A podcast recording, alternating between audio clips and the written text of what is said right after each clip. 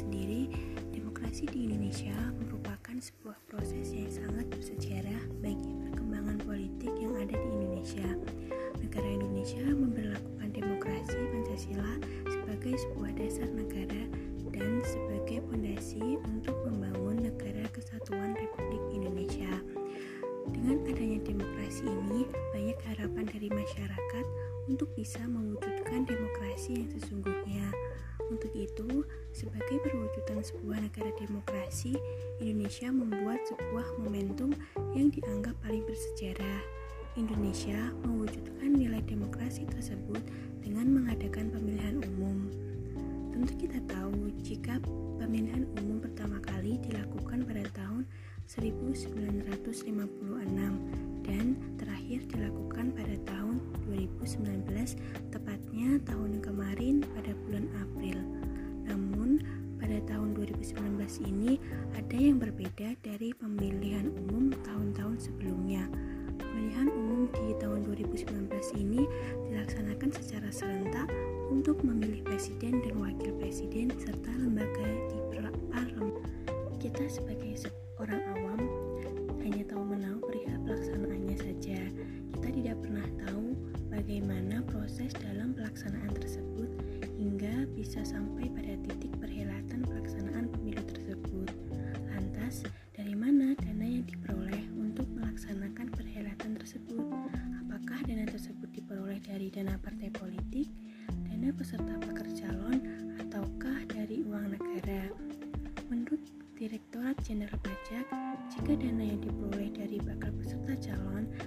biasanya uang peserta hanya difokuskan sebagai peningkatan elektabilitas bagi dirinya sendiri atau biasanya disebut dengan money politik yang berfungsi sebagai sarana agar pemilih menjatuhkan pilihan kepada sang pemberi uang tersebut. Kemudian, apakah dana tersebut diperoleh dari dana partai politik?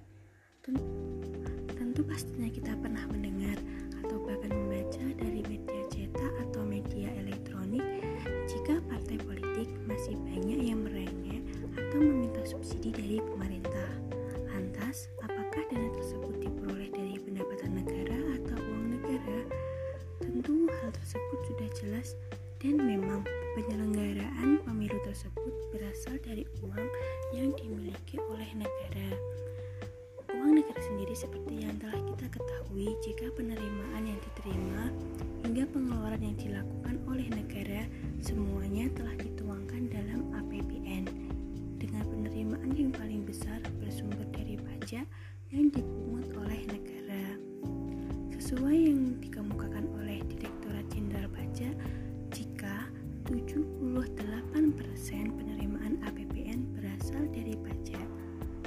kita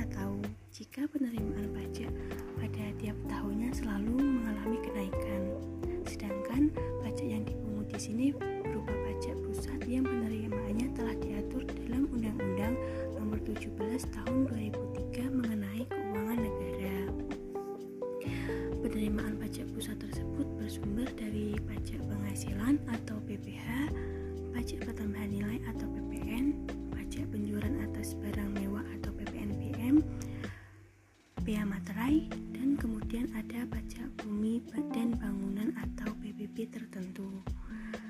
Namun, tak lepas juga pajak-pajak daerah yang ikut andil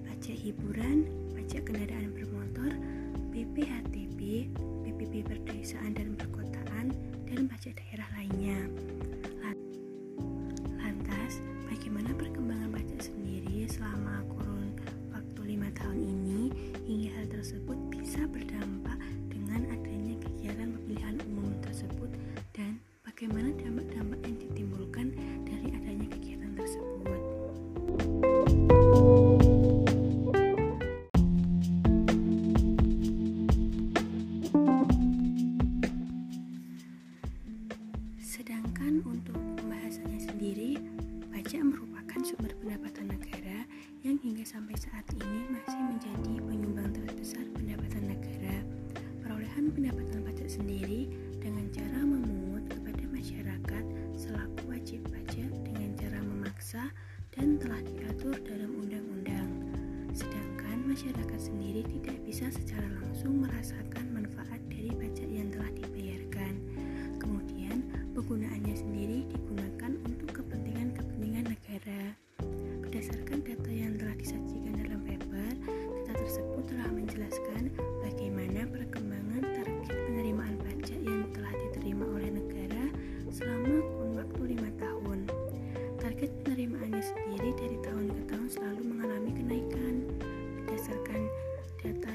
disajikan tersebut, penerimaan negara dari tahun 2015 hingga tahun 2019 selalu mengalami kenaikan. Berikut dapat kita analisis. Target penerimaan tahun 2015 sebesar 1.240,4 triliun dan naik pada tahun 2016 sebesar 1.285,7 triliun. Pertumbuhan penerimaan tersebut dalam kurun waktu satu tahun sebesar 3,6 persen lebih rendah dibandingkan tahun sebelumnya yaitu sebesar 8,2 persen. Kemudian tahun 2017 sendiri kembali mengalami kenaikan sebesar 1472,2 triliun dengan angka pertumbuhannya yang lebih besar dibandingkan tahun sebelumnya yaitu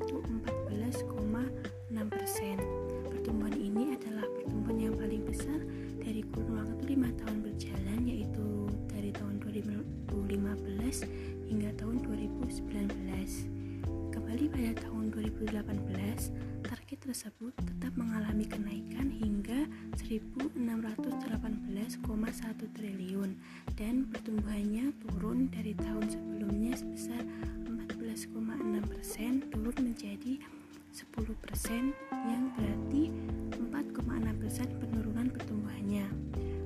Dan di tahun 2019 kembali target dinaikkan hingga 1 1786,4 triliun sehingga pertumbuhan pada tahun 2019 mencapai 10,4 persen uh, naik 0,4 persen dari tahun sebelumnya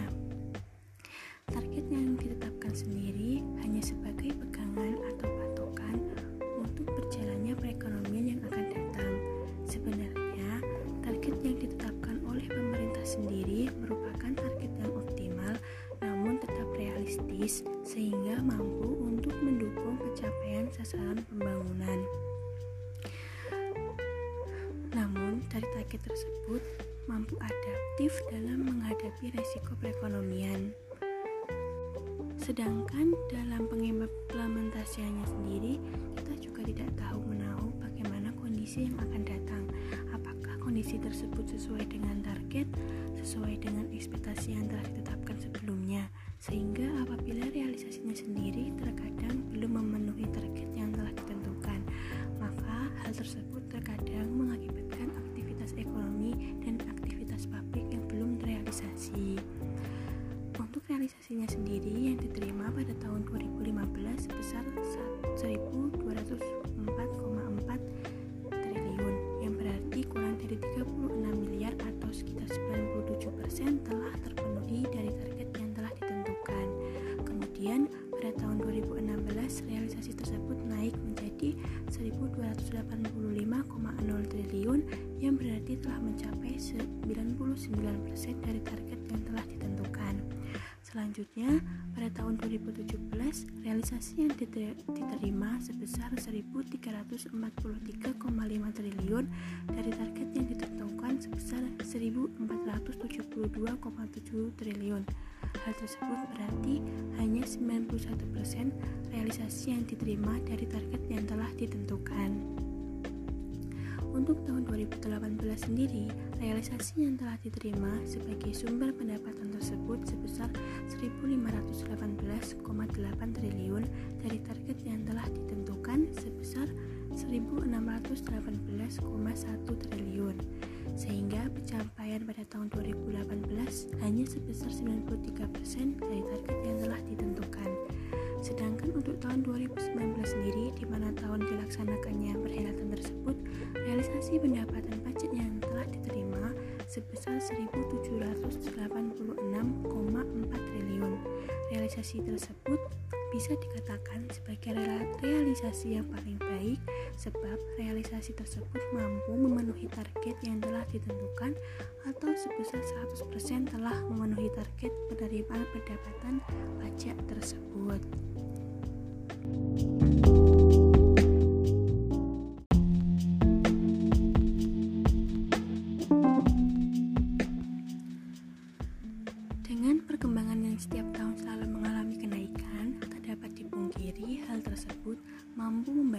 atau menyumbang pelaksanaan pemilihan umum tersebut, yang berarti secara tidak langsung penerimaan pajak yang diperoleh selama ini ternyata dapat dapat berdampak secara politik dalam penggunaannya. Sebagaimana yang kita ketahui, jika tujuan akhir dari sebuah demokrasi adalah untuk mencapai sebuah kesejahteraan dan sebuah keadilan yang diperuntukkan kepada seluruh rakyat Indonesia. Dengan timbulnya pelaksanaan pemilu tersebut menjadi sebuah pertanyaan dari masyarakat. Sebenarnya, seberapa besar pengalokasian dana tersebut untuk melaksanakan pemilihan umum? Dari tahun ke tahun, pemilu yang dilakukan selalu bertahap, di mana dalam pelaksanaannya dilakukan pemilihan presiden dan wakil presiden terlebih dahulu, baru berikutnya dilakukan pemilihan anggota legislatif di parlemen. Namun, pada tahun 2019 ini ada sejarah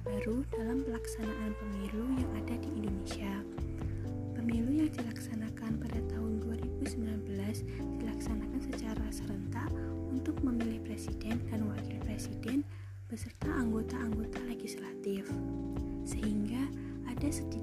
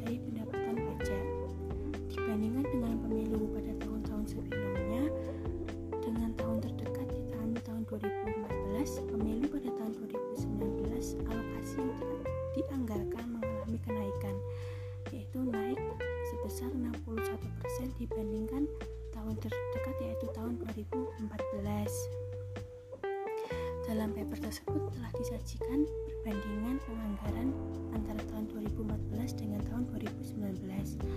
Untuk alokasi pemilu sendiri tahun 2014 sebesar 15,62 triliun, sedangkan 2019 sebesar 25,59 triliun. Untuk pengawasan pemilu tahun 2014 sebesar 3,67 triliun, sedangkan 2019 sebesar 4,86 triliun. Dan untuk pendukung pemilu sendiri tahun 2014 sebesar 1,70 triliun dan 2019 sebesar 3,29 triliun. Uang-uang tersebut bersumber dari rakyat yang kemudian dikelola oleh negara, sedangkan negara sendiri memungutnya melalui pajak.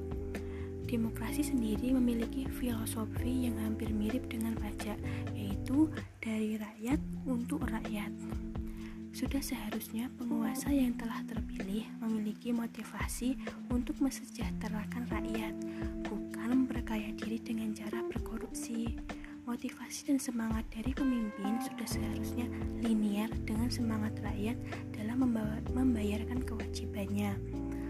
Sendiri rela menyisihkan uangnya hanya untuk membayar pajak sebagai kewajiban mereka, sedangkan pemilu yang telah terlaksana sendiri bersumber dari pajak yang anggarannya diperoleh dari rakyat. Maka, jika penguasa tidak bisa mensejahterakan rakyatnya, pemimpin tersebut dianggap gagal dan tega mengkhianati rakyat sebagai pembayar pajak tersebut. Sedangkan dalam segi ekonomi sendiri, banyak yang diharapkan dari adanya penerimaan pajak yang telah dipungut. Salah satunya adalah masyarakat mengharapkan kesejahteraan. Dengan penerimaan pajak yang telah didapatkan sendiri, masyarakat banyak berharap untuk memperoleh hal-hal yang positif. Menurut penelitian dari Wahyu NS tahun 2015, jika dalam jangka pendek maupun dalam jangka panjang, penerimaan pajak dapat berpengaruh positif terhadap pertumbuhan ekonomi. Sedangkan berdasarkan data yang telah disajikan di paper tersebut menjelaskan jika pertumbuhan ekonomi selama kurun waktu lima tahun berjalan cenderung fluktuatif pertumbuhan ekonomi paling baik terjadi pada tahun 2015 yaitu satu tahun setelah terselenggaranya pemilihan umum pada tahun 2014 pada tahun 2015 pertumbuhan ekonomi mencapai 5,8 persen. Pada tahun selanjutnya pertumbuhan ekonomi cenderung stagnan.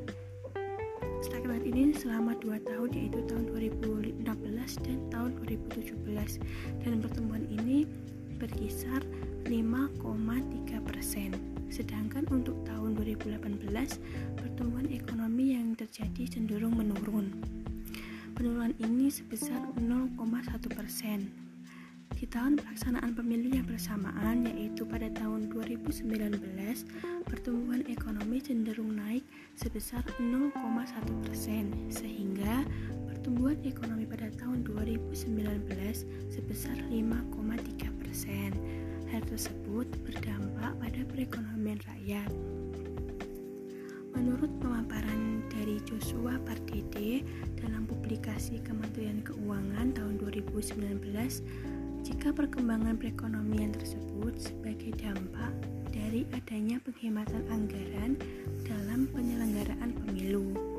Sebab pemilu dilakukan hanya satu kali, kemudian adanya kampanye yang dilakukan oleh para tersebut juga memicu aktivitas ekonomi, khususnya untuk masyarakat kelas ekonomi menengah ke bawah.